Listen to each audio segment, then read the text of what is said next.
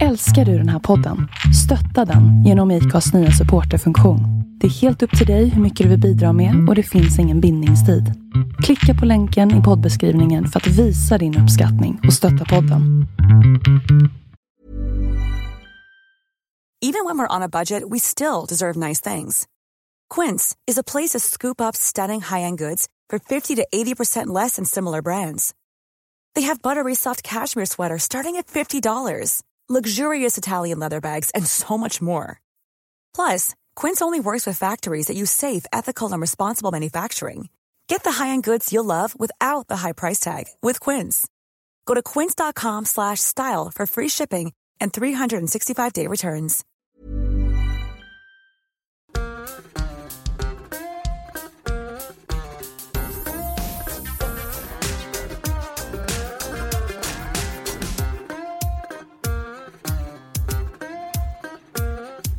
Välkommen hit till eh, Vi måste prata. Du ser, du, Tack Emil. var lite frågor innan vi kom in här. Vad, vad är det här för något? Ja, jag vet ju inte. Nej, och det vet inte jag heller. Vi får se Nej, var det här hamnar Det någonstans. är spännande. Det kommer bli väldigt spännande. Eh, du är mellan två begravningar idag när vi spelar in det här. Nej, jag har varit på en begravning, sen har Ja. jag samtal sen. Okej. Hur mår du efter att du har chefat en begravning? Säger man chefat? Officerat eller man har hållit i. Ja. Jo, det, det, är, det är eh, jätteviktigt. Alltså det är... Eh, eh, jag kör begravningar på ett annat sätt än, än eftersom i Sverige är vi så eh, kopplade till döden. Så folk har ju ångest när de går på begravningar. De, de äcklas av att vara där. Va? Och, och, eh, och det där har jag aldrig förstått för att det vi pratar om idag det var en... Jag sa det direkt från början. Jag är inte här för att prata om död idag. Jag är här för att prata om liv. Alltså de som sitter där, deras liv. Vad gör de när de går därifrån med allt det de har upplevt av den bortgångne? Den bortgångne har bara lämnat Alltså livet har lämnat kroppen och det ser man när man ser en död kropp. Det är liksom, det är bara ett skal som ligger där. Det finns ingen person kvar. Så. Och i Sverige där, där, där är- blir vi då ångestfyllda för att nu är det en fysisk närvaro som har försvunnit. Va? Alltså begraver vi själen och jag gör tvärtom. Vi håller kvar själen och sen så lägger vi skalet till vila. Av jord är du kommen. För det där har jag tänkt på. Eh, begravningen, är det det du säger att begravningen är ju egentligen till för de som är på begravningen, inte den som ligger i kistan? Nej, precis. Alltså det, det är ju en, ett, en, en, en viktig, kyrkan har alltid gjort det. Alltså det är en, en unik grej med kyrkan att vi har alltid tagit hand om de döda. Och eh, tagit hand om dem på ett respektfullt sätt. Alltså man slängs inte bort va. Nej. Utan man, man konstaterar att det här har hänt och så möter vi det och så hjälper vi folk att gå vidare. Mm. Och det måste ju variera väldigt mycket hur, hur bra folk är på att gå vidare. Alltså jag har varit på en del begravningar, man blir ju aldrig bra på att gå på begravning. Det är fortfarande... Nej men det är precis det som är vitsen Emil, alltså att, att, att de flesta, folk kommer upp och säger det till mig, alltså att det var den mest fantastiska begravning jag varit på. Jag har varit, vad har du varit på innan då? Ja du vet ju hur de är va. Jag menar idag då så, så eh, den här killen som tar hand om min bil han har precis fått en liten son förra veckan. Mm. Och den här pojken var ju med idag. Så det är ju liksom Du hade både början och Ja, slutet precis på samma alltså, plats. eller hur? Så istället för att skilja på dem så är det ju liksom olika aspekter av samma sak. Alltså vi, vi kommer in i världen och sen lämnar vi. Mm. Och den, den stora frågan då, vad händer när vi lämnar? Ja, det är ju den, den mest spännande resan vi kommer ut på, eller hur? Alltså vi, vi som nu den här lilla parveln idag, va? Alltså han är, ja, föräldrarna har varit med om att fixa kroppen. Mm. Men sen vem han är, det vet vi ju inte än. Nej. Utan det är ju liksom en, en närvaro utav någonting som är jättestort. Va? Det har vi allihop. Och det är ju fränt, för då om han, om han är nyfödd då. För ett år sedan, då var ju de rent, den rent, de rent fysiska molekylerna som utgör hans kropp nu. Ja, precis. De var ju något helt annat för ett år sedan. precis. Ja. De fanns ju, men de var ju inte, Nej, de var ju två, inte samman... två mikroskopiska celler. Ja. Jo, men de, ja, precis, men jag menar ja, de, de ja. faktiska kolatomerna som utgör hans muskler ja, nu, just det. de var ju någon annanstans då. Och sen fick hans mamma äta dem och så vart det... ja, just det. Och pappan likadant. Ja. Ja. Och var, var han död då, innan? Nej, han var ju inte död innan. Alltså, alltså det, det är ju... Det är ju Förstår du vad jag menar? Alltså, livskraften, va? Mm. Det är ju den som är det, det stora. Alltså allt det, alltså det här är jätteirriterande liksom när folk, jaha, tror du på Gud? Ja, då har folk ju då en bild utav vem Gud är. Mm. Som en gubbe på ett moln eller... Och det är ganska naiv. Ja, och då säger jag nej, det tror jag inte på. Men det måste du väl, för du är ju präst i kyrkan. Nej. Jag menar, och eh, jag menar, det, det har, vi, har vi pratat om i alla år med konfirmanderna. Att det är liksom att förtolka livet, det handlar om relationer. Va? Jag måste ha en relation till livet i mig. Jag måste liksom klura ut vad har jag för gåvor och vad har jag för begränsningar och så göra någonting åt det och inte jämföra med alla andra. Nej. Utan att hitta, alltså du måste leva i balans med ditt liv, jag måste leva i balans med mitt liv. Och sen också i balans med andras liv. Va? Det är ju där det, det, det är hela tiden relationer det handlar om. Jag såg en, en föreläsare, nu kommer jag inte ihåg vad han hette, men han fick, fråga, han fick också frågan, eh, tror du på Gud? Och då sa han, det går inte att svara på, för först måste jag veta hur frågeställaren Ja, just det. Definierar, definierar tro Ja, och definierar Gud. alldeles Så riktigt. det är liksom en, alldeles det är riktigt. två portaler där för att ta sig igenom. Och du då, hur definierar du Gud? Nej, alltså det, det har ju varit en process. Jag är prästson och eh, det, har ju både, det har ju både haft sina för och nackdelar. Va? Men jag, eh, ingen har prackat på mig någonting utan jag fick göra upp själv. Jag, jag, alltså när jag var 14-15 slängde jag ut en bild utav Gud som inte fungerade för mig. Och sen dess så har det liksom eh, blivit det här med, med eh, att det är en livskraften. Det är det som är det stora. Def, definiera den då.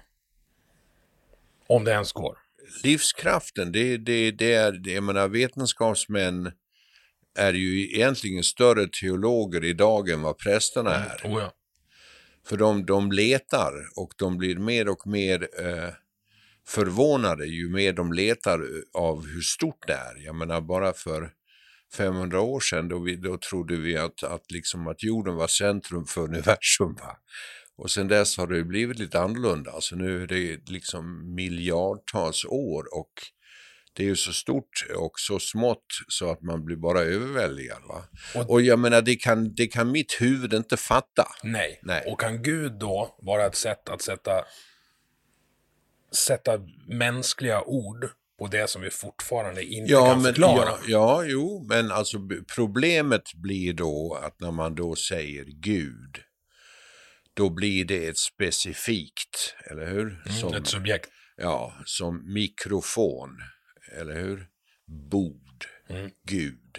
Och det är ju inte separat på det sättet, det kan inte begränsas med de gränserna, utan det är någonting som, som vi, alltså det är någonting som egentligen kommer till en när man, när man, när man vaknar till. Alltså att jag, kan, jag förstår inte det här. Och jag, jag ska inte stressa mig med att försöka förstå det. Nej. Men jag kan ana att det finns någonting, för det här är, det här är för stort alltså. Det här, och det är för litet. Det är liksom det, och så bara det enda man kan göra då är att, att använda ordet tro. Att jag tror att det finns någonting.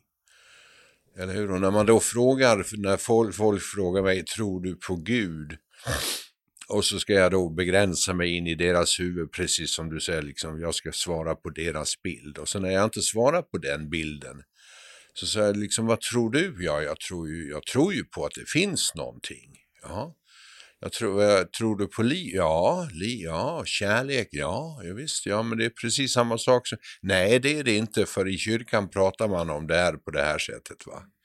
Men när man då i kyrkan säger, så- som du säger också, att Gud sa det till, blir det inte lätt att man får en bild Jo, av det, en... det är det ju. Alltså, för, eh, alltså ursprunget är ju att, att i, i vår, alltså vår monoteistiska religion som det heter, alltså med, som eh, judendomen, islam och kristendom tror ju på samma gud. Och, och att, att man alltså har upplevt någonting och man har då pratat med varandra om det. Så att när det händer någonting som liksom är för stort, då liksom säger man att, då säger man att, att eh, där var närvaro, där var någonting, ja. Och så berättar man de historierna. Ja. Och, och då samlas, samlas man liksom vid lägereldar och sånt. Va? Och, och det, är liksom, det är ju grunden för alltihop. Liksom. Sen har det blivit till religion och religion är ju livsfarligt.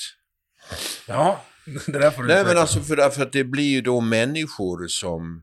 Fundamentalister tänker du på? Nej, inte bara fundamentalister men, men alltså att, att, att människor eh, gör det till någonting som, som sätter upp strukturer. Och, och så blir det, så innan man vet ordet så tappar man det här med att kunna berätta för varandra om livet. Va? Och så följer man liksom regler som att du, institutioner. Du, du tänker, ja. Det finns folk som använder, om man säger Bibeln eller, eller Koranen, vilken, vilken av de här abrahamitiska religionerna du nu tar, att de använder 2000 år gamla texter som instruktionsböcker för hur man ska leva idag. Ja, det kan man, det, det kan man ju göra, men alltså man måste ju förstå sammanhanget. Alltså att världen har förändrats sedan dess.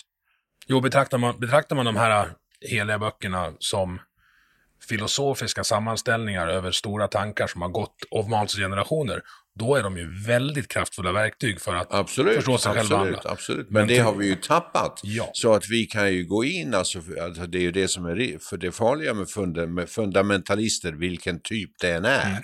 Om det är nazister eller om det är, är eh, religiösa grupper eller någonting. Alltså det, det är ju livsfarligt för de kan ju då ta någonting, det står i Bibeln, ta ut det ut, ut ur sitt sammanhang. Va? Det är livsfarligt.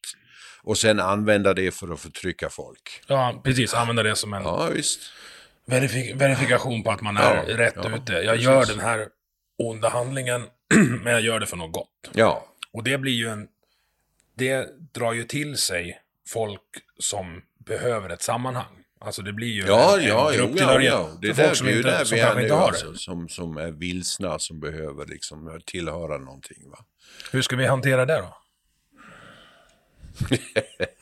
en, man, li, en liten Man fråga. måste ju liksom dels förstå att de krafterna finns va? Och, och att hjälpa människor att förstå att det, det är faktiskt någonting annat det handlar om. Det är människors alltså längtan, människors ensamhet, människors inre jag menar hela det här med, med, med kyrkan, jag pratar om det här hela tiden och konfirmanderna har lärt sig det här liksom att man, man går alltså in i ett rum eller in på en plats. Eh, man går också in i sig själv för att komma nära den kontakt med livet som man, som man har. Va? Det är det vi pratar om där inne. Eh, men det har ju då gjorts i, nu ska det, sen har ju i Sverige, det är ju nästa steg här Emil, alltså det, det är ju tokigt va.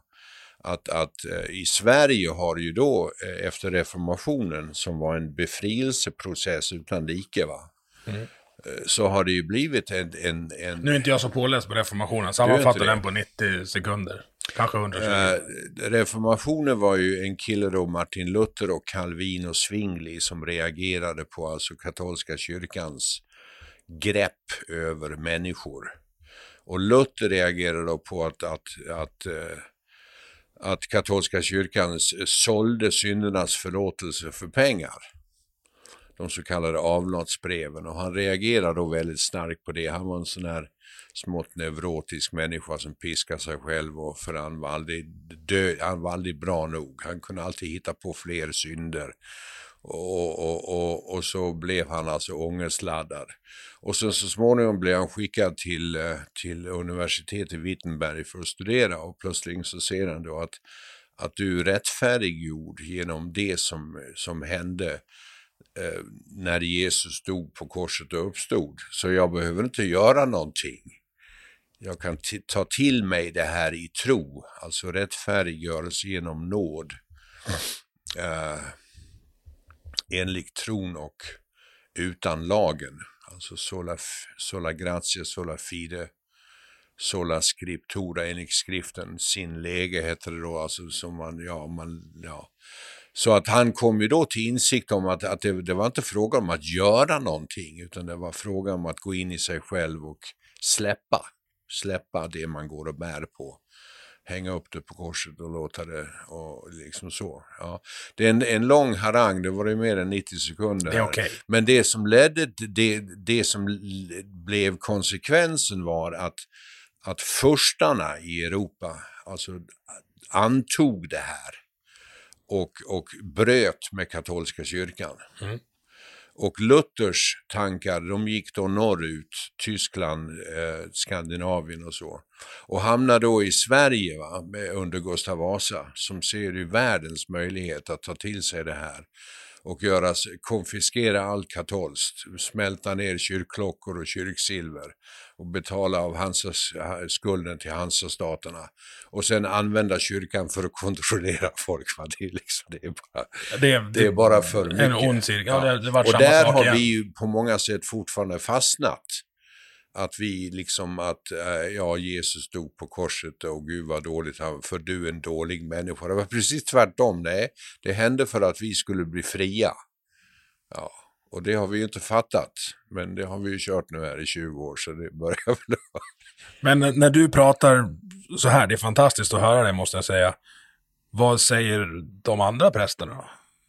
Som kanske inte har kört här i 20 uh, år? Jo, alltså det, det, finns ju där alltså. Det, det, det är ju... Uh, det finns ju där, men alltså jag går väl kanske steget längre. För att de, många av dem, nu ska jag inte liksom ta, prata, men de är ju tränade i Sverige. Va? Alltså de är, jag har inte tränat här, det var därför jag åkte till Amerika. Liksom, de är att, stöpta i formen för att ja, upprätthålla alltså att man, man konfronterar inte de här grejerna på det sättet. Det börjar väl att, att röra på sig lite nu, men... Det där är intressant, konfrontera. Det är lite det vi försöker göra här. Alltså konfrontera de, de nuvarande normerna inom både intervju och rapportering och, och så. Jag tycker nog att konfrontation kanske är det mest frigörande som finns. Ja. Även, alltså även på det ja, personliga planet. Ja, det, det, alltså det är alldeles riktigt. Va? Likadant, alltså sådana här som ord som kris mm. Eh, ryggar ju folk för. Kris är ju en, en otrolig möjlighet. Det är inte alls farligt. Va? Och likadant konfrontation. Konfrontation, det är ju liksom att konfrontera det som är, är eh, illa för att, att eh, få tag i det som är bra. Va? Men där har vi då ett, ett, ett, ett otroligt problem, va? för vi är, vi är konflikträdda. Det där kan ju slå över också. Alltså, när man upptäcker man har varit genom x antal konflikter och konfrontationer så upptäcker man att det är inte så farligt. Nej. Men det förhållningssättet kan ju bli att man blir en jobbig jävel för de som fortfarande inte har ja, gått igenom absolut, processen. Absolut, Jag tänker att det, ja, det är ja, kanske där du det, är. Det har jag ju blivit. Jag har ju väl alltså blivit det. Alltså jag har ju sagt och gjort saker alltså som, som eh, som jag tycker var det var då liksom, men, men folk de ryggar. Va? Så har vi aldrig gjort, det fick jag reda på när jag kom hit. Så, det är det farligaste man kan höra Så har vi aldrig gjort förut. Nej, så frågar jag då, hur har ni gjort då? Och det är det ingen som kan berätta för mig. Men det vi har gjort nu, det har vi inte gjort förut. Nej men så bra då, du överlevde, jag överlevde, så kan det inte vara så farligt va. Och så får jag då, ja du vet, han har ju varit i Amerika. Man ska alltså in i man ska in i en låda. Ja.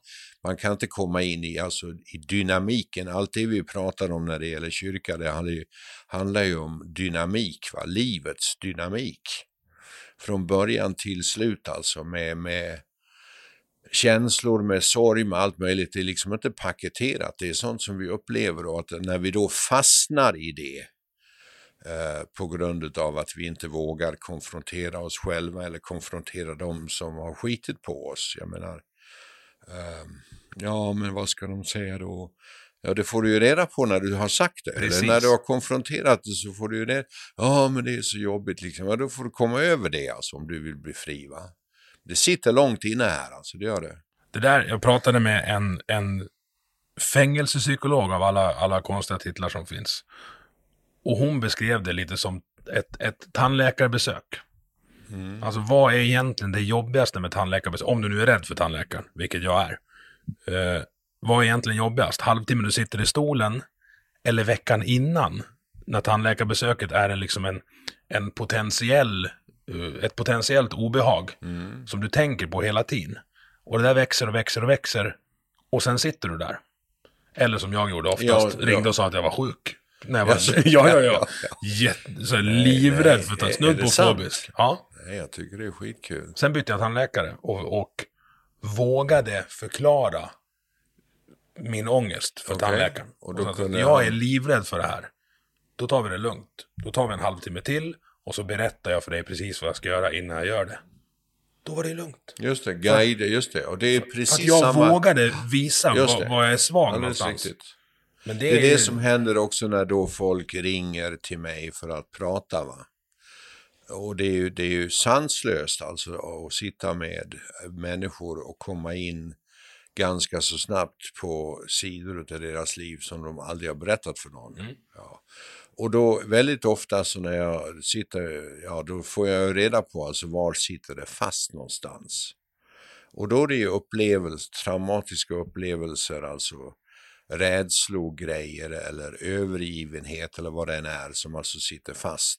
Och varenda gång man kommer i närheten av någonting som liknar det så flippar man, flyr, tar till droger eller vad som helst bara för att bedöva. Va? Allting får skapa en I- distans precis, mellan sig Istället själv för och... att då, som du gjorde med tandläkaren, börja säga att här- jag sitter alltså fast i det här, jag måste öppna mig för det.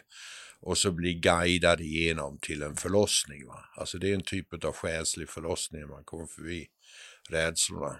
Och de här människorna som du pratar om, jag kan gissa att många av dem är gifta. Och varför, Ja, varför alltså, är man ja, gift om man inte ja. kan alltså förstå? Ja. Varför har- har man valt att tillbringa sitt liv med en partner som man inte kan berätta det här för? Är inte det kontraproduktivt? Jo, men det är ju, det är ju, det är mycket, alltså det, det är ju en av grunddrivkrafter, alltså man, man eh, växer upp och man vill bort från sina föräldrar och så har man eh, hormonkörtlar som pumpar runt och man blir kåt som en iller och så träffar man någon som man kan uttrycka det med.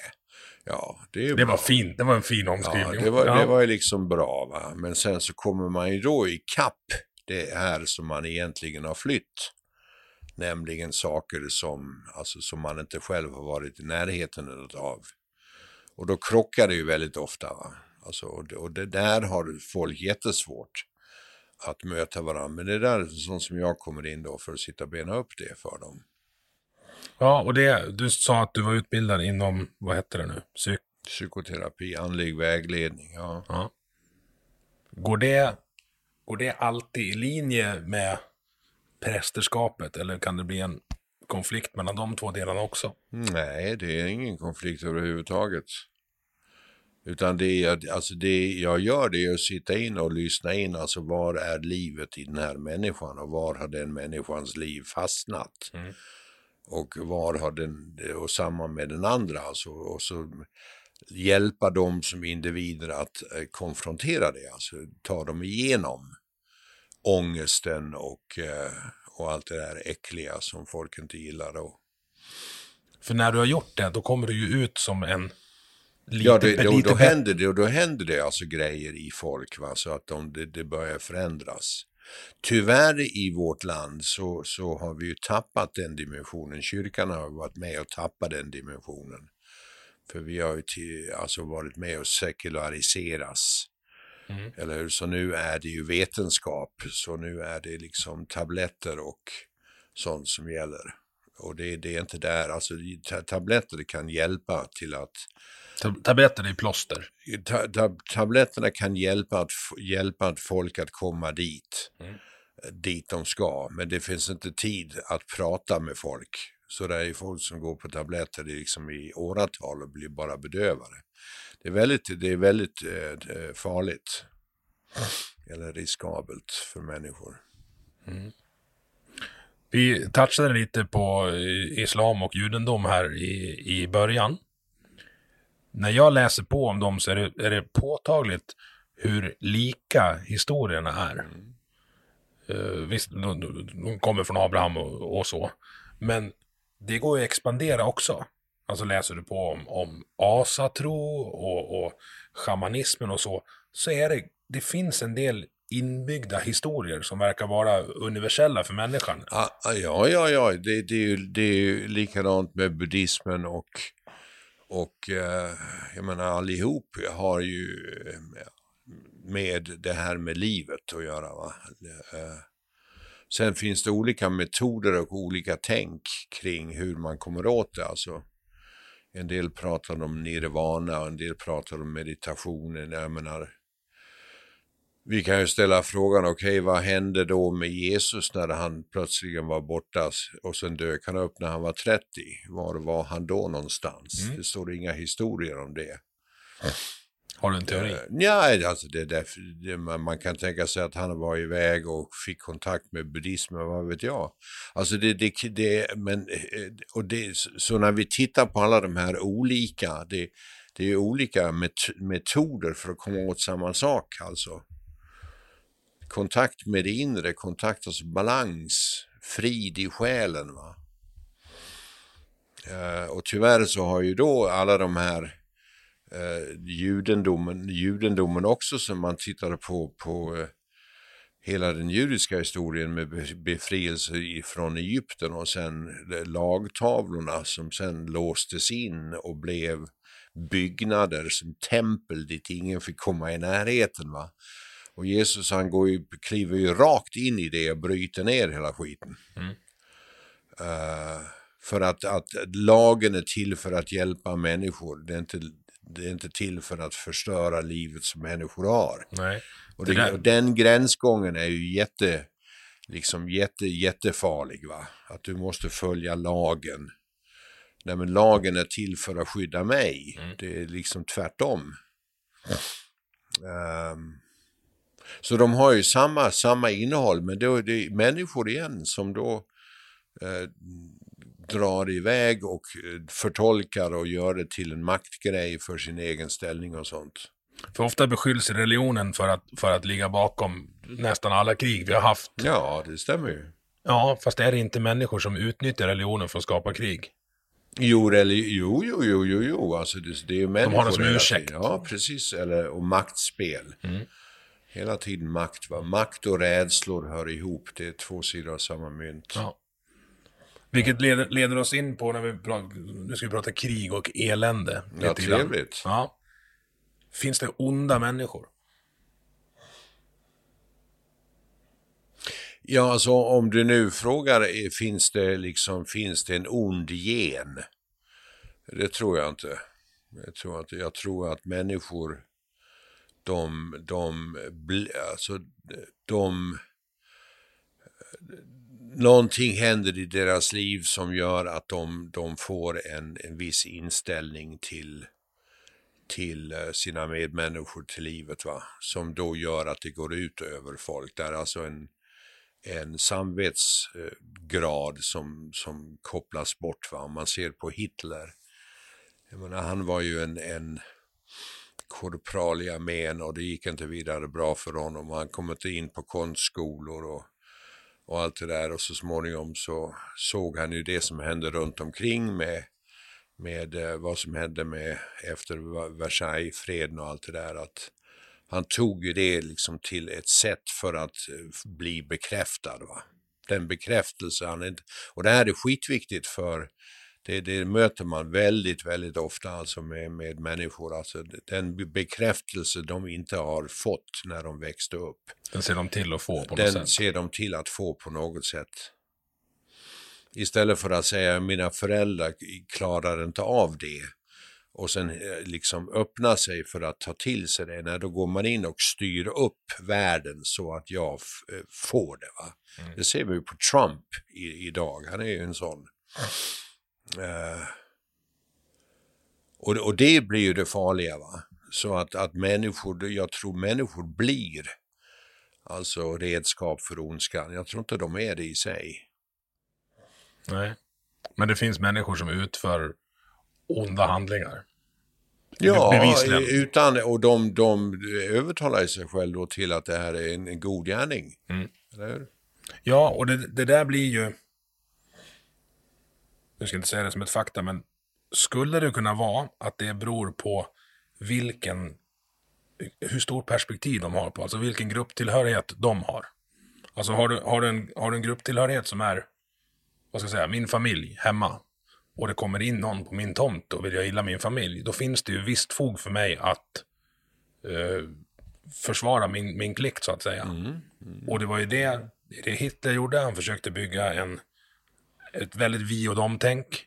Det är det IS håller på med nu, det är det Ja, ja, ja. Trump håller visst. på lite åt det hållet också. Nu ska vi inte jämföra Trump med Hitler och IS, det, är korkad på ett annat sätt. Men Men de krafterna finns ju va? Att Ja. man alltså man, man, mi- manipulerar.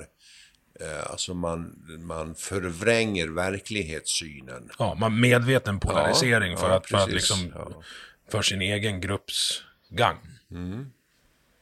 Och då blir det, Ja, då leder det ju till saker som, alltså, som man själv inte ser. Jag menar, eh, jag menar, ser på Hitler och, och det som hände med judarna. Alltså hur, pro, hur körde man propaganda med Goebbels och allt det där då? Jo, att de var smittbärare, de Ja. var råttor. Ja. Och det ser man ju nu med, med den här coronaviruset, liksom, att det är väldigt lätt att då eh, alltså, lägga skuld på kineserna. Va? Ja, så man använder det till att trycka ner folk, för vi är bra och de är smittbärare. Liksom. Så det, går, det, det är otroligt lätt att, att förvränga alltså, verklighetsbilden. vad är motgiftet mot det då? Ja, det är alltså motgiftet mot det, det, är- det är eh, utbildning och, och eh, att, att som, jag menar en del av demokratin har ju med det att göra, att rätten till att tala, va? Rätten till att, att undersöka, rätten till eh, fri press. När man kväver alla de metoderna då, då, då eh, är det ju otroligt lätt att att de som förvränger världen får makt. Va? Och makt och rädsla hör alltid ihop. Hör alltid ihop. De som vill ha makt, de ser till att andra människor blir rädda. Och beroende, tänker jag. Att de, Ja, och, eh, eh, och likadant ma- makten som, alltså det jag är rädd för, eh, får, ju- har ju då makt över mig. För jag, det, det har sån makt över mig så jag vågar inte komma åt det. Va? Alltså, Nej, och du måste förhålla dig till det. Och, Och det är ju där konfrontationen då Precis. kommer in. Va? Med att konfrontera människor, alltså som jag nu gör när jag sitter i samtal med folk. Det kommer in sådana här alltså, stunder då det bara blir äckligt i rummet. Va? För då Mm. har vi kommit åt någonting och då gäller det att sitta väldigt inte lugnt. vika undan för det. Nej, väldigt lugnt och sansat och hjälpa folk liksom andas sig igenom det där. Och så släpper det ju. Du pratade om fri media och fri press och frihet att uttrycka sig. Med risk för att jag vet vad det drar då, och att jag kanske rycker på axlarna och säger ja men du vet, han har varit i Amerika. Freedom. Vad är frihet? Vad betyder det för dig? Vad är frihet? Frihet, det, är ju, det, det har ju med, med där vi började med livet att göra. Att, att livet, för att livet ska kunna blomstra, så behöver det ju få luft, alltså luft och utrymme. Eh, Är det då andra människor som sätter upp begränsningar, då blir man inte fri. Och det intressanta är att vi har ju mer friheter här i Sverige än de har borta i Amerika. Mm. Oh ja. Men det har vi ju inte fattat. Men är alla de här lagarna och reglerna som du säger att andra sätter upp för dig av ondo? Alltså man behöver inte... Nej, inte konfrontera alla av dem. Vissa kan man acceptera för att få alltså, frihet som, på andra Som jag sidan. sa innan med med alltså, tio Guds bud och sånt, det var ju, det var ju regler som sattes upp för att, att, att värna om livet. Mm. Som sen makthavarna går in och gör till att du ska. Alltså du ska. Ja. Du ska följa reglerna. Du får inte bryta sabbaten. Du får inte... Eh, och då blir ju reglerna till någonting som kväver. Va? Då blir ju kv- alltså reglerna som är intentionen är av godo. Men det, det kan missbrukas så att det blir till ondo. Va? Alltså när man tittar exempelvis på lagstiftning som vi har och om man blir förvirrad. Vad betyder det här egentligen? Ja, då går man ju tillbaks till förarbetet. Vad var diskussionerna i, i, vad hände i landet, vad hände i riksdagen, vad var det som gjorde att vi kom fram till det här? Och då får man ju reda på vad den djupa intentionen är. Det är ju inte, det är ju inte att det är ju inte att straffa folk. Jag menar, straffrätten är ju till för att skydda livet. Mm. Det största, jag menar i alla länder, där finns inget land där det finns en lag som säger att, att du ska döda din nästa. Nej, det vore dumt. Eller hur? Alltså den högsta eh, straffkvoten är alltid på, på alltså mord. Mm. Alltså intentionen att, att, eh, ja, att ha... Ja, över, alltså ha upp, mord kräver uppsåt. Ja. uppsåt. Och det är ju den inre biten igen, va? att någonting har hänt i mig. Så att det leder till att jag flippar ut i huvudet. Mm. Och jag går ut och skjuter 21 personer in. Uh, ja. Det är något slags... Jag tycker om ordet ursinne på något sätt.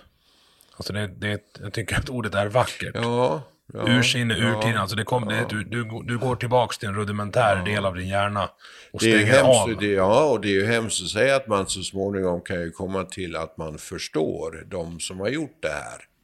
Fast det är fel. Och det är mm. precis det som är, är det, det, det tråkiga, att, att det inte har funnits mekanismer som har fångat upp individer mm. och tagit in dem i ett sammanhang. Va? Tills, istället så hamnar de i en, alltså en, en sits där de bara låser in sig och, och sen flippar de. Mm. Men för att motverka att det ska hända igen så måste man ju försöka förstå drivkrafterna bakom. Ja. Vad som är. Man, måste sätta, ja. man måste läsa man måste läsa Mein Kampf. Man måste läsa Columbine High School-killarnas ja, ja, manifest. Ja. Man måste till och med läsa vad, vad Breivik skrev för att, för, för, att, för att ta reda på vad, var hamnar vi, hur hamnar vi här och hur undviker vi det? det? Men då är vi där, då måste man konfrontera det. Och kanske till och med inse att, vänta nu, det är, lätt, det är lätt att sitta här och tänka att ja, men om, det hände, om det som hände i Tyskland händer igen, då kommer jag vara motståndsrörelse. Jag inte fan, jag tror att 90% kommer att vara lägervakter. Liksom, ja, för ni är så ja, vana ja, att gå i takt med det folk säger åt er. Ja, ja, ja. Det, det är som när vi har förintelsens dag här nere i kyrkan.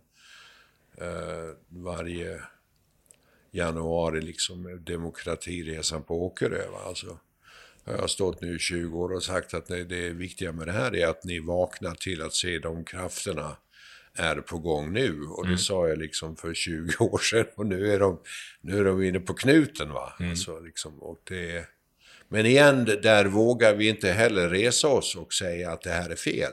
Utan ja, men vi är ju alltså väldigt jolmiga i Sverige. Vi har aldrig gjort upp med vår historia. Nej.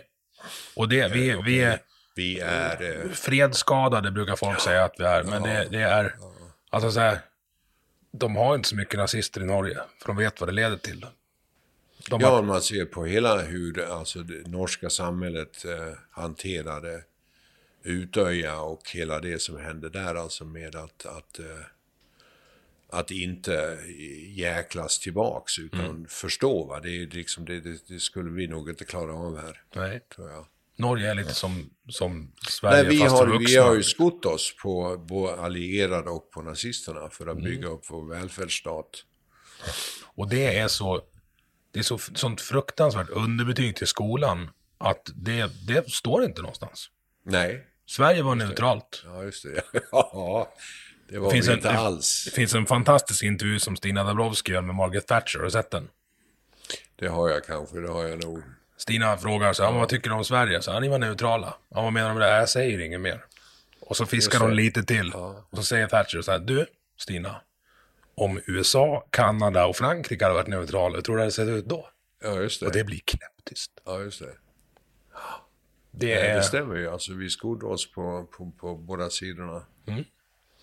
Jo, tysk, tyskarnas stridsvagnar rullade in i Polen ja, på svenska kullager. Bofors, eller hur? Bofors och eh, jag menar eh, Nobel tog ju, var ju inblandade i Bofors, eller hur? Mm. Det, de sålde ja, transporterna av järnmalm till Kruppverken och sånt. Va? Mm. Mm. Det är lite synd. Jag tror... Nej, det är äckligt. Mm. Det, är, det är äckligt att vi är så rädda för att se på det, alltså ta ställning.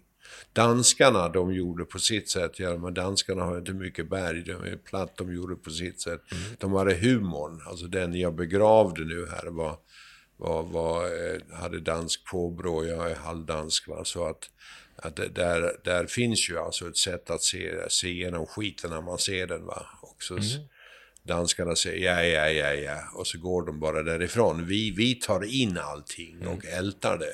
Och det är jättefarligt. För att... Eh, Ja, men fast vi ältar den till rast. till nej, alltså vi tar in, ja det kan hända, ja men han är väl snäll. Det kan ju hända liksom att det är rätt, jag vet inte riktigt. Och så blir det en sån här, det är väldigt farligt. Nor- Norrmännen hade ju sin, eh, sin natur att tacka för mycket, eller hur? För de hade ju berg och de hade ju ett helt annat eh, motståndsrörelse där, för de kunde göra det på det sättet. Jo, men de, hade, de var ju tvungna att ha en motståndsrörelse för att de gjorde motstånd. Vi la ju upp oss och bara lät dem trampa rätt över. Ja, ja, Vilket ju är, är ja. ja, en teori är att det är liksom grunden till det svenska välståndet. Det och Falu koppargruva har liksom lagt... Nej, alltså ja, det går ju längre tillbaks. Falu koppargruva var ju liksom det kungen var tvungen att ha för att klara landet. Men, men vi har ju... Eh, ja, vi tog inte ställning. Nej. Det höll på att bli en historiepodd, fast vi har ju faktiskt en juristpräst här. ja, vad ska du göra nu? Ja, jag vill styra tillbaks lite till, till religionen alltså. Och dig, att bli präst, var det liksom, var det, var det målet hela tiden? Du sa att du kastade ut en gudsbild när du var 15 och sen var du prästvigd i USA. Fanns det någon period Ja, emellan där? ja, ja alltså det, det går ju inte till så. Alltså det, det är ju en, en inre... Det är en inre resa. Alltså det var det jag hade upplevelser när jag var grabb som aldrig har lämnat mig. Berätta om dem. Jag har inte haft några sådana. Jo, det har du. Jaha, det har jag. Eh, Jag... eh, Det var, eh, det var 1961 på våren. Jag hade varit i söndagsskolan med min pappa och det hände, ja, han läste väl någonting ur någon historia i Bibeln och, och, och det kom, alltså det, det resonerade i mig. Alltså det, ja. Så jag sprang upp för sidgången i, sidgången i Mariakyrkan i Helsingborg och kom upp till trappen till altaret och tittade upp på, på korset där med... Och så hände någonting.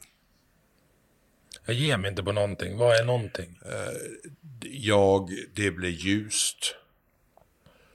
Jag var, alltså, jag var, jag såg inte eh, det som fanns runt omkring mig. Jag såg bara det här ljuset. Och så eh, eh, är det en väldigt påtaglig närvaro som då säger till mig att Sten, nu kommer det att bli tufft. Men du är inte ensam. Och jag vet inte vad som händer med mig då om jag, om jag, om jag börjar att eh, eh alltså re, gensvara som, alltså, ja, om jag blev fylld med någonting, om jag sa någonting eller men det avbröts i alla fall med en sån här kyrktant, en bitter kyrkkärring som kommer upp och eh, rättar till mig då och säger att du som prästson borde väl veta bättre om hur man beter sig i kyrkan. Den här konflikten har alltså varit absolut livsviktig för mig. Alltså det, det som hände och det, hur hon reagerade. Va? Ja. Jag pratade ju inte med någon om det här. Jag var åtta år gammal. Och jag menar, jag gick ju inte hem. Oh, jag har träffat Jesus. Jag hade ingen aning om vad det här var. Alltså det, det, det, det var bara väldigt påtagligt. Sen när jag, sen eh, på våren där, någon månad efteråt, så dör min farmor. Året efter dör pappa, året efter dör min farbror, året efter dör min rottweiler. Så det var liksom, det var, det var alltså totalt turbulent i, i familjen. Allting brakade ihop. Ja. Och jag började så småningom gå och konfirmera mig och sen var det en kyrkvaktmästare som hade varit väldigt nära min pappa då som, som fångade upp mig också. Att jag vill att Boman kommer och jobbar med mig varannan helg. Och när jag då sitter i kyrkan och hör prästerna läsa ur skriften eller nattvarden och sånt så kommer alltså den här upplevelsen tillbaks. Den återkopplar alltså. Jag börjar då tänka, vad i helvete är det här alltså? Och jag hade ju inte tänkt då att, att jag, eh, ja du ska väl gå och bli präst och jag var och på universitet och sånt men det var ju så dödstråkigt. Alltså det dammar ju när man kom in i rummen där hos de här. Så det fanns ju inte va. Utan jag började läsa juridik då för att bli diplomat och, och sen så, eh, ja, som livets gång då så, så äh, träffade jag en, en kille från Amerika som var här och jobbade liksom på, på Tre Torn i Helsingborg och där han var då hos chefens fru som var god vän med min mamma sa då, ni måste ta hit ta hit Sten för att vi är en kille här som, som de liknar varandra på något sätt. Va? Och eh, han då och jag, vi, vi blev goda vänner och sen hamnade vi i fjällen följande år och vandrade med hans bror och min kompis när jag var barn. Och, och sen ledde det till att jag så småningom, alltså nu är jag en lång historia kort, att jag hamnade, alltså blev inbjuden till ett ungdomsläger i Amerika, i New Hampshire inom lutherska kyrkan. Va? Och det såg ut som här, alltså det var tallar och röda hus med vita, vita fönster och de hette Lundqvist och var blonda och Pettersson och var lutheraner. Liksom. Ja, så, så, och, och där eh, upplevde jag då att det jag egentligen hade i mig, det, det fick eh, grepp. Va? Jag mm. fick, mm. det, var en, Traction. det var en kille där som, som eh, var doktorand, han var där och undervisade och han pratade ju rakt in i mig alltså. Och det ledde till att jag var där hela den sommaren, det var helt fantastiskt. Jag åkte hem och läste, fortsatte med juridiken, så var jag där nästa sommar igen och då var han där igen. Och då tog jag mig, eh, kom jag förbi min inövade svenska rädsla för auktoriteter och eh, bröt den och sa jag måste prata med dig. Och då satte vi oss ner och eh, så sa han, herregud, du, inte, du ska inte vara jurist, du har ju ett kall. Så stanna kvar efter nu, efter sommaren så fixar vi in dig på en skola. Nej, nej, nej, nej, nej, sa jag. Vi ska avsluta det vi har börjat. Det är liksom en sån där grej som är inpräntad. Du äter upp på tallriken. Mm. Du, du, ja. Så jag åkte ju hem och avslutade juridiken och sen var jag över och letade skolor och hamnade så småningom på Yale. Mm och kom in där. Och eh, helt otroligt alltså. Sprängde ju precis allt det här eh, svensk grejen alltså. Hur då?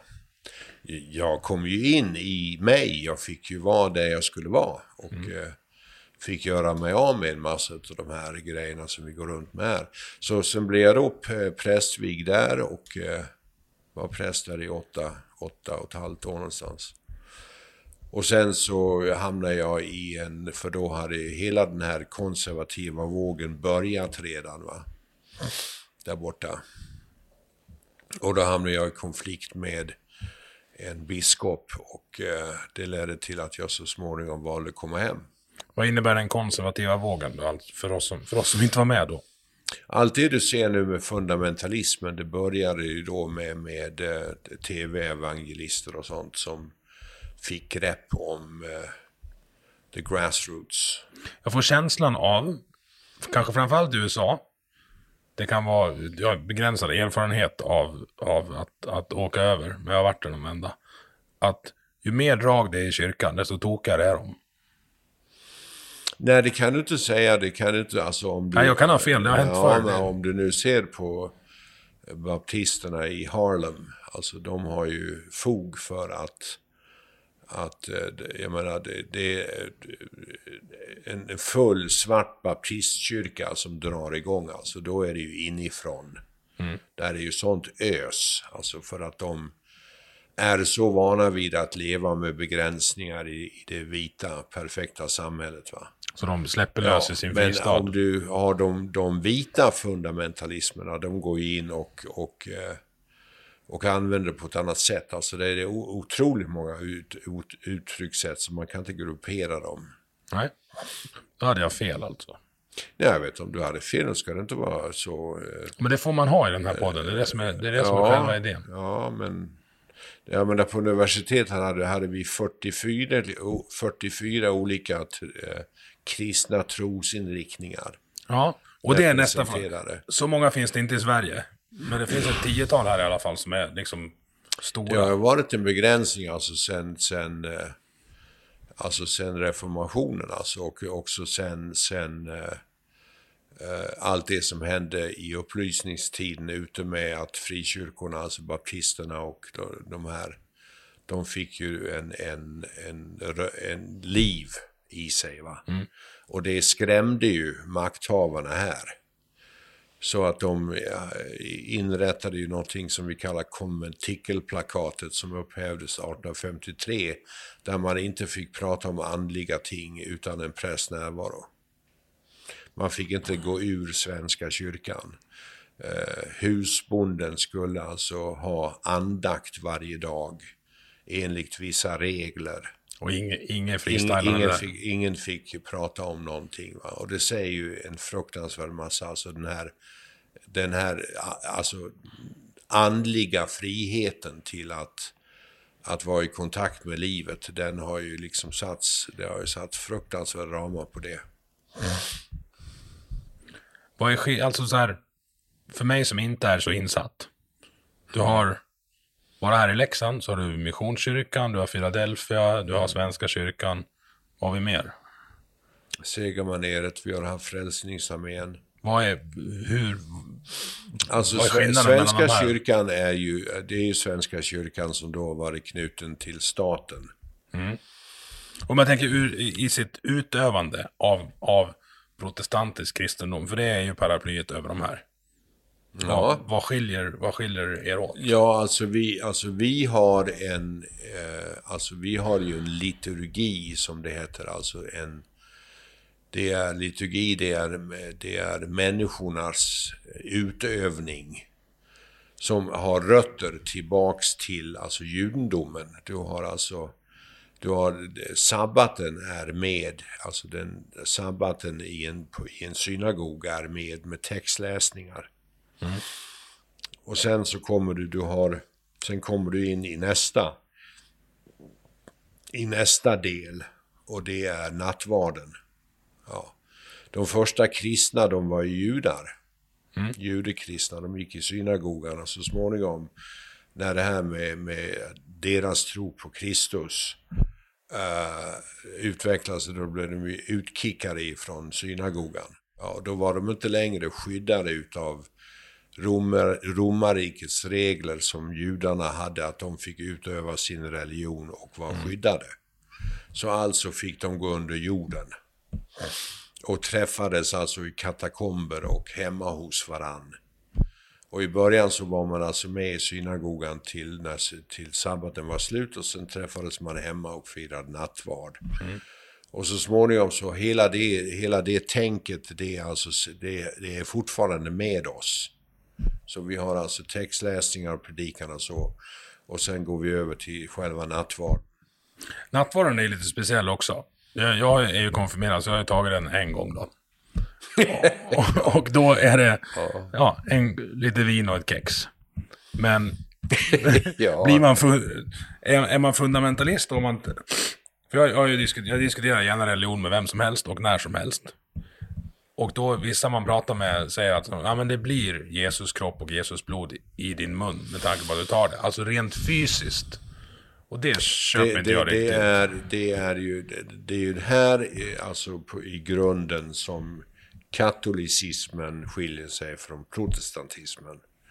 För, för eh, alltså katolicismen har eh, transsubstantiationsläran. Det betyder att substansen blir någonting annat. Att brödet blir Kristi kropp och vinet blir Kristi blod rent fysiskt. Jag köper inte det riktigt. Det tror inte protestanterna på. Nej, okej. Protestanterna har konsubstantiationslära. Det betyder att i tro, när du tar emot brödet och vinet, då tar du också emot eh, Kristus. Men det är alltså, det är fortfarande bröd och vin, men det, är alltså, det, det där är någonting annat. Ja. Och det är den protestantiska lära, läran har. har det. Alltså de här andra frikyrkorna, de Missionskyrkan, det var ju, de är väldigt nära, alltså Svenska kyrkan, men det var ju för att de tyckte det, att kyrkan var så skittråkig, va? så de ville ju sjunga mer. Mm. Så det var mycket, mycket därför de bröt sig ur. Men var fortfarande medlemmar i Svenska kyrkan oftast. Pingstkyrkan, det, det har ju då med pingsten att göra, med, med utgjutelse av helig ande som gör, gör att folk de blir greppade utav någonting och börjar tala i tungor och sånt. Mm. Det är intressant, för läser man det som står i Bibeln om att tala i tungor så står det att det får endast ske ensamhet. Och riktigt så är det inte i Pingstkyrkan. Där kör man ju på scen gärna. Nej, alltså, det, det, alltså när, när saker och ting kommer till dig så måste det förtolkas, står det också i Bibeln. Att, att det är det som kommer till dig kan du inte bara ta till dig, utan det måste förtolkas. Mm. Så att det, alltså, att det man får någon annanstans ifrån, det måste ju förmedlas på ett sätt så folk förstår. Mm. Vad intressant, när du pratade om det här som hände dig i, i, i kyrkan i Helsingborg när du var åtta, när det var ljust. Mm. Så sa jag att det där har aldrig hänt mig och då säger du att det har det visst. Hur kan du vara så säker på det? Det, det kommer ju, alltså inte samma sak. Utan det, nu händer det här i mitt liv på det sättet. Mm. Men vi har, det har de flesta människor upplevt, alltså små ögonblick utav någonting som är alltså ljust och väldigt starkt. Oftast är det kopplat till kärlek. Mm. När kärleken drabbar en. Då kan man liksom inte, man, man, man kan inte säga nej. Till nej. det. Typ August Berg avgör i sadden borta mot Mora. då, då, då tror jag att jag var där faktiskt. Ja, ja. Men jag tänker det, ja, ni som tittar på det här vet att jag tycker om att gå på hockey. Det är lite sant, jag skulle kunna säga att det kanske är min religion. Jag får det, jag, jag, har, jag har en tro på att ja, det ska... Ja, men det, det, det säger vi också att det finns ju, det, alltså en del samlas där, en del samlas i kyrkan alltså. Bröd och skådespel. Ja, det händer ju saker där också. Det är väldigt, det är viktigt va, att för att få ut en massa aggressioner ett annat. Alltså det är man kan stå och skrika och vråla och ha sig liksom och det är inom vissa ramar. Och, där det är oftast glädje och i vissa fall mycket sorg. Jodå. Ja. Eh, du svär en hel del. Det tycker jag om. Jag, eh, ett av mina bästa Sten Boman-minnen är när jag, eh, jag gör lumpen. Och så kommer jag hem i uniform.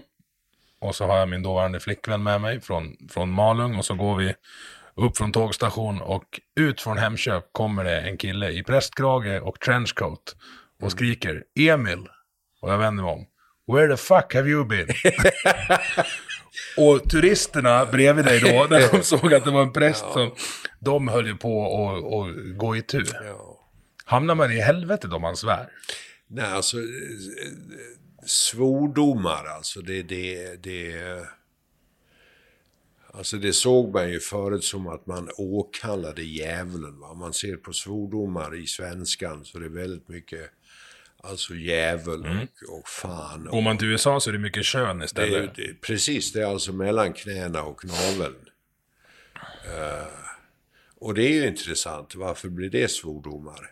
Ja, det är ju för att för det ska vara kraftuttryck alltså, som är lite på gränsen. Bara, det är ju bara liksom dåligt, uh, dåligt ord, ordval och sånt. Men det, det, samtidigt är det där det är alltså någonting, uh, man får ut någonting. Alltså när man alltså blir heligt förbannad. Mm. Och som jag kan göra hemma hos mig. Jag liksom går upp och ställer mig på övervåningen och så står det en gungstol. Där sätter jag då människor som jag har problem med. Alltså här går jag upp och, och får alltså kontakt med att sätta ord på det här. Och det finns det ingen hejd på vad som kommer ur mig. Och då samtidigt så kan jag då känna, oj då, Boman, du är, du är, du är arg. Ja, och det har jag fog för att vara. Och då är det rätt skönt att bli då, arg. Då är det väldigt skönt att få ut det. Mm. Istället för att lägga lock på det. Va? Mm. Ja, för lägger du lock på det för länge, utan att konfrontera, ja, då är vi Hitler och Breivik ja, country och rör oss igen. Och där vill man ju hemskt gärna det, inte Det är ju sånt jag pratar med mina klienter också om, att, att se till att få ge uttryck för. Alltså. Vi hamnar tillbaka till konfrontationen. Ja, igen. alltså gå ut och eh, hade en kille som kom hem till mig. Jag hade precis bytt ut köksstolar som min bror hade målat ärggröna. De var så fruktansvärt fula så jag valde bort dem. Så jag liksom, de stod så kommer en kille in och så ser jag på honom att han är så arg. Då, så säger du, du tar den här stolen och går ut och släng den mot ett träd. Nej, det kan jag väl inte göra. Ta den här stolen ut och släng. Och till sist fick jag höja rösten. Och så gjorde han det ju. Så mm. kom han in och var totalt lättad. En helt annan människa för han hade fått ut det. Mm. Ja.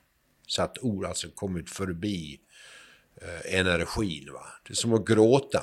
Det är jätteviktigt att gråta. Alltså man, någonting släpper och man ser någonting på ett annat sätt. Mm. Så alla de begränsningarna, det är ju det som begränsar livet. Va? Ja, och när, när du har tagit dig själv till gråten, till mm.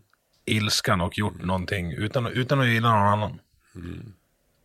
Då blir du bättre på att, att hantera livet som det kommer. Jag skilja på att det här är...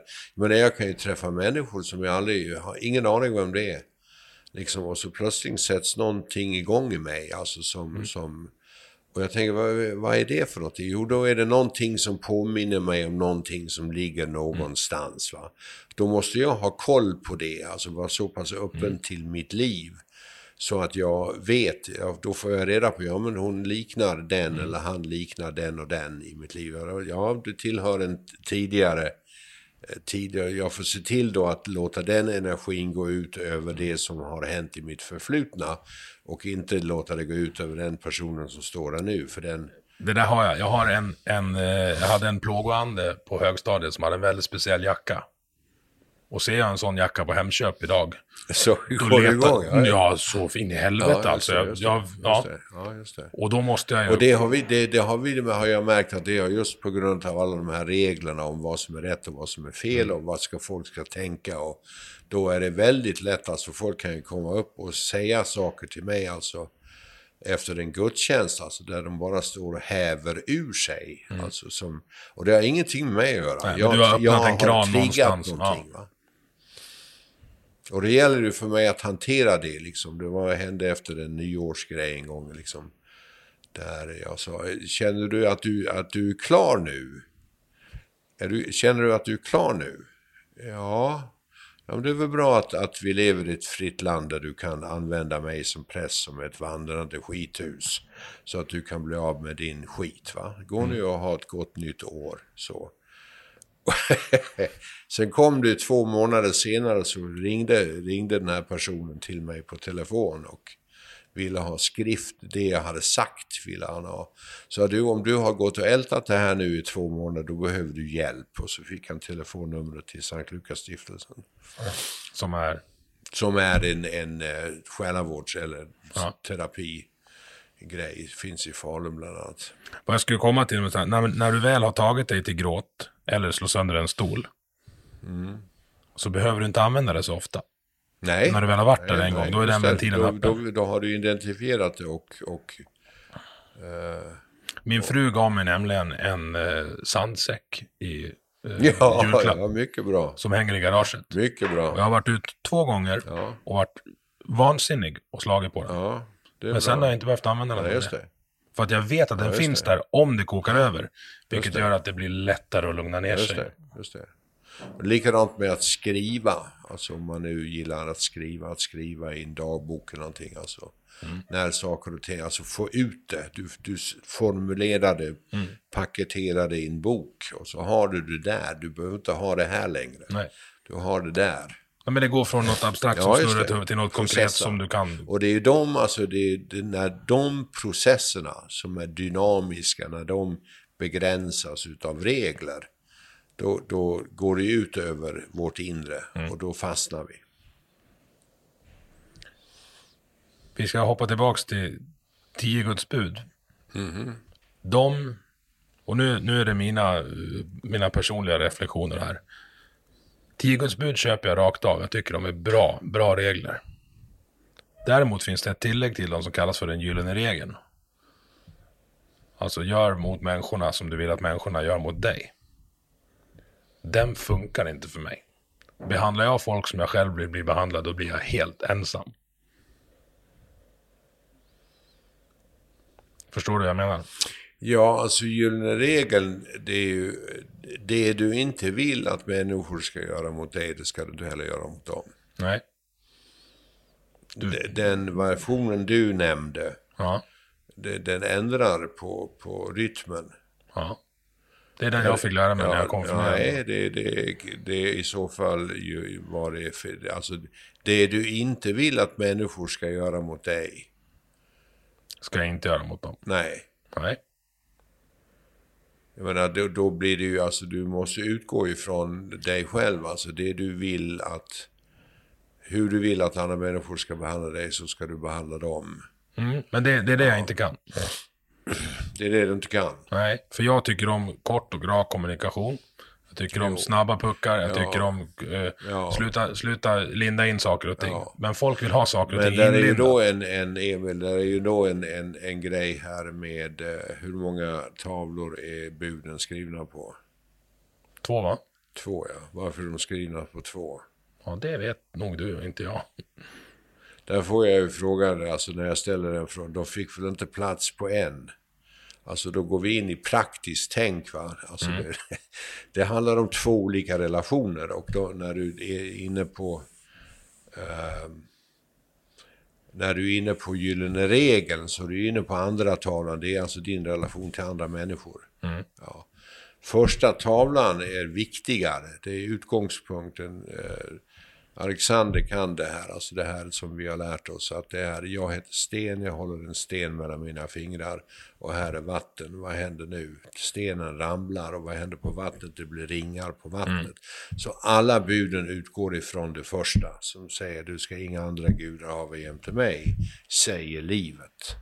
Så du måste läsa alla buden i ljuset av det första. Ja. Ja.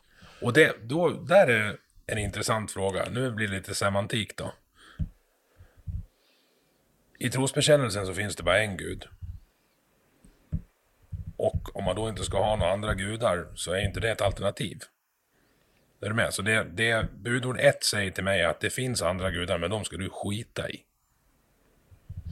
Ja, alltså andra gudar, alltså där är någonting med den här guden som, alltså igen nu när vi säger gud och vi är inne på de här begränsade Nu mikrofon, säger Alexander åt dig, du ska sluta slå i bordet. eh, mi- mikrofon, bord, allt det där, att det är en begränsning. Alltså det, det är inte, det är inte en begränsning utan det är alltså friheten i livet och livets flöde. Ja. Det är, det är det vi ska hålla oss till. Eh, och den är den viktigaste. Så fort någonting kommer åt liksom min relation till det, då begränsar jag mig. Och när någonting då drar mig bort ifrån det, då blir det en avgud. Och det kan vara precis vad som helst. Det kan vara droger, det kan vara Ah, sex. okej. det var, Så det är, inte, det är inte en annan... Det, det Nej, inte det en är annan inte- nej, nej, nej, nej, För jag tänker de polyteistiska religionerna, asatronen och sånt. De har ju egentligen de här arketypiska karaktärerna också. Alltså Loke som Satan, som någon slags Ja, trick, ja, trickster-grej. ja. Men i kristendomen är inte det att betrakta som en gud då, utan att betrakta som en, en avfällning och en distraktion från den rätta läran. Medan asarna då gav, gav det en, en fysisk form i form av en det, människa just som det, också hade det, ja, gudomlig det, kraft. det, det. Men du, du, ja. Så därför så blir ju då att, att, att när jag då är i relation till livskraften som den, den stora livs, livskraften, alltså obegränsad, då måste ju, ser jag ju också eh, att den finns i min medmänniska. Ja. Och om, om jag då inte har blivit straffad här, eller om jag har blivit förlåten här, då kan jag inte ta ut det på någon här. Nej, Eller hur? jag är med. Jag är med. Det, alltså det, det, du ska älska din Gud av hela ditt hjärta, hela ditt förstånd, hela din kraft. Eh, och din nästa som dig själv. Okej, Det här slogs jag med när jag var i tonåren. Om jag nu lyssnar, du ska älska Gud av hela ditt hjärta, hela ditt förstånd, hela din kraft och hela din, ja. Då finns det ju ingenting kvar för nästan. Om allt går in där, Ja, då det- finns det ju ingenting kvar där. Jo, det gör det. För då har, lär jag mig att se den här närvaron Mm. i de här. Du tänkte på kärlek som, som, ett, eh, uppdämt, som ett begränsat antal punkter att ge bort. Kärlek som ett begränsat antal punkter att ge bort. Har du tänkt att om du ger allt till Gud, då finns det inget över till de andra? Ja, om, man, om man är i det, om man begränsar tänket. Eh, om, man inte, om man förstår vad kärlek är så är det ju liksom, ju mer man ger desto mer får man tillbaks. Ja. Ja. Så det är ju ett annat tänk. Va? Det är liksom, varför står budorden på två tal? Då fick vi inte plats på en. Alltså då är det praktiskt tänk. Ja, om det är två stycken, hur många bud står det på varje? Jag har gått och läst matte. Tio, det är tio delat med två, fem. vara fem. Nej, det är inte fem, det är tre och sju. Jaha. 3 och 7. För det handlar om två olika relationer. Den ena är den här relationen. Ska ingen annan Gud ha varit jämte mig, du ska inte missbruka Herren i Guds namn, du ska tänka på sabbatsdagen. Så att du får lugn och ro någon gång så du har kontakt med den här. Och sen alla andra, det är föräldrar och det är livet och det är andra tavlan, det är mer människor. Men det är sekundärt jämfört med det här. Ja, nu är vi inne på djupa saker här. Ja, det var det som var meningen. Vi ska gå ännu djupare. Vi ska börja avsluta det här. Vi börjar med en begravning. Eh, och du skickade iväg din bekantes anhörig till evigheten. Eh, vi pratade, vi touchade lite på helvetet. Fi- Alltså, finns det? Himmel som ett fysiskt alltså, plats och helvete som en fysisk plats. Det, det, det, det finns inte något sånt. Nej. Jag lyssnade på, på den här kanadensiska filos, eller var en psykologiprofessor, Jordan B. Peterson, som pratade just om helvetet. Att det är inte en fysisk plats, men det är ett tillstånd och det finns människor som är där. Ja, det stämmer. Alltså, Alltså- helvetet i, i, i, Bibeln, alltså Gehenna, det var, det var sopstation utanför Jerusalems mur. Okej, så det, det, alltså det, det är ett tillstånd och vad karaktäriserar det tillståndet? Jo, att det eh, finns brist på livskraft. Hopplöshet och... och Ja, eh, alltså man har tappat någonting. va? Och det är, ju, det, det är ju ett tillstånd som många människor finner sig i. Alltså det har ju då av oss, som vi ofta gör, vi projicerar ut det då. Och det blir alltså till en plats där Gud finns. För det säger ni i kyrkan, Fader vår som är i himlen. Alltså himlen är där livet finns. Himlen är ju ett annat, alltså man fick inte använda ett ord för Gud för det var för stort va, så man skrev om det till himmel. ja. Och alltså när man säger himmel, ja då, det är där det här finns, där det finns liv. Och det andra, det är där det finns brist på liv. Alltså, och det blir det ju alltså kopplat till, till eh, alla skrämselmetoder med Dracula och, och, och, och troll och sån där skit. Eh, alltså till, till mörkret va. Det känns som att vi har bara lyft på lag. Det där skulle jag, jag skulle vilja prata en timme till med dig, men det har vi inte tid med Ja, idag. vi kan men väl göra det någon annan gång då. du är hemskt välkommen tillbaks. Och... Ja, var det någonting om att du ville ha alla di- distinktioner med eh, präster och deras roller och sånt? ja gradbeteckningar och, och olika. Vad, vad skiljer en pastor och en präst och kyrkoherde? Men det tar vi, det tar vi nästa det tar gång. vi nästa gång. Men du, på uppstuds nu. Vem tycker du borde komma hit och prata ett par timmar? Oh, det kan du inte lägga på mig nu så här. Eh, det, kan, det, det, det, det, det, det är att skifta spår för snabbt. Låt mig tänka på det, så kan jag höra av mig. Ja, bra. Stort tack för att du kom Tack hit. för att jag fick komma hit idag. Good to see you homeboy. Vi hörs av.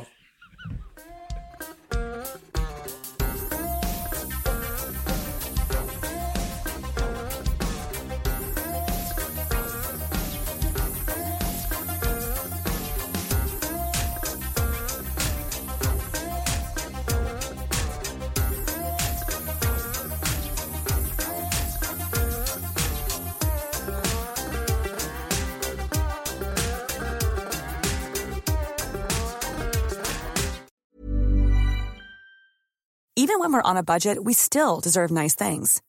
Quince is a place to scoop up stunning high-end goods for 50 to 80% less than similar brands. They have buttery soft cashmere sweaters starting at $50, luxurious Italian leather bags, and so much more. Plus, Quince only works with factories that use safe, ethical, and responsible manufacturing. Get the high-end goods you'll love without the high price tag with Quince. Go to quince.com/style for free shipping and 365-day returns.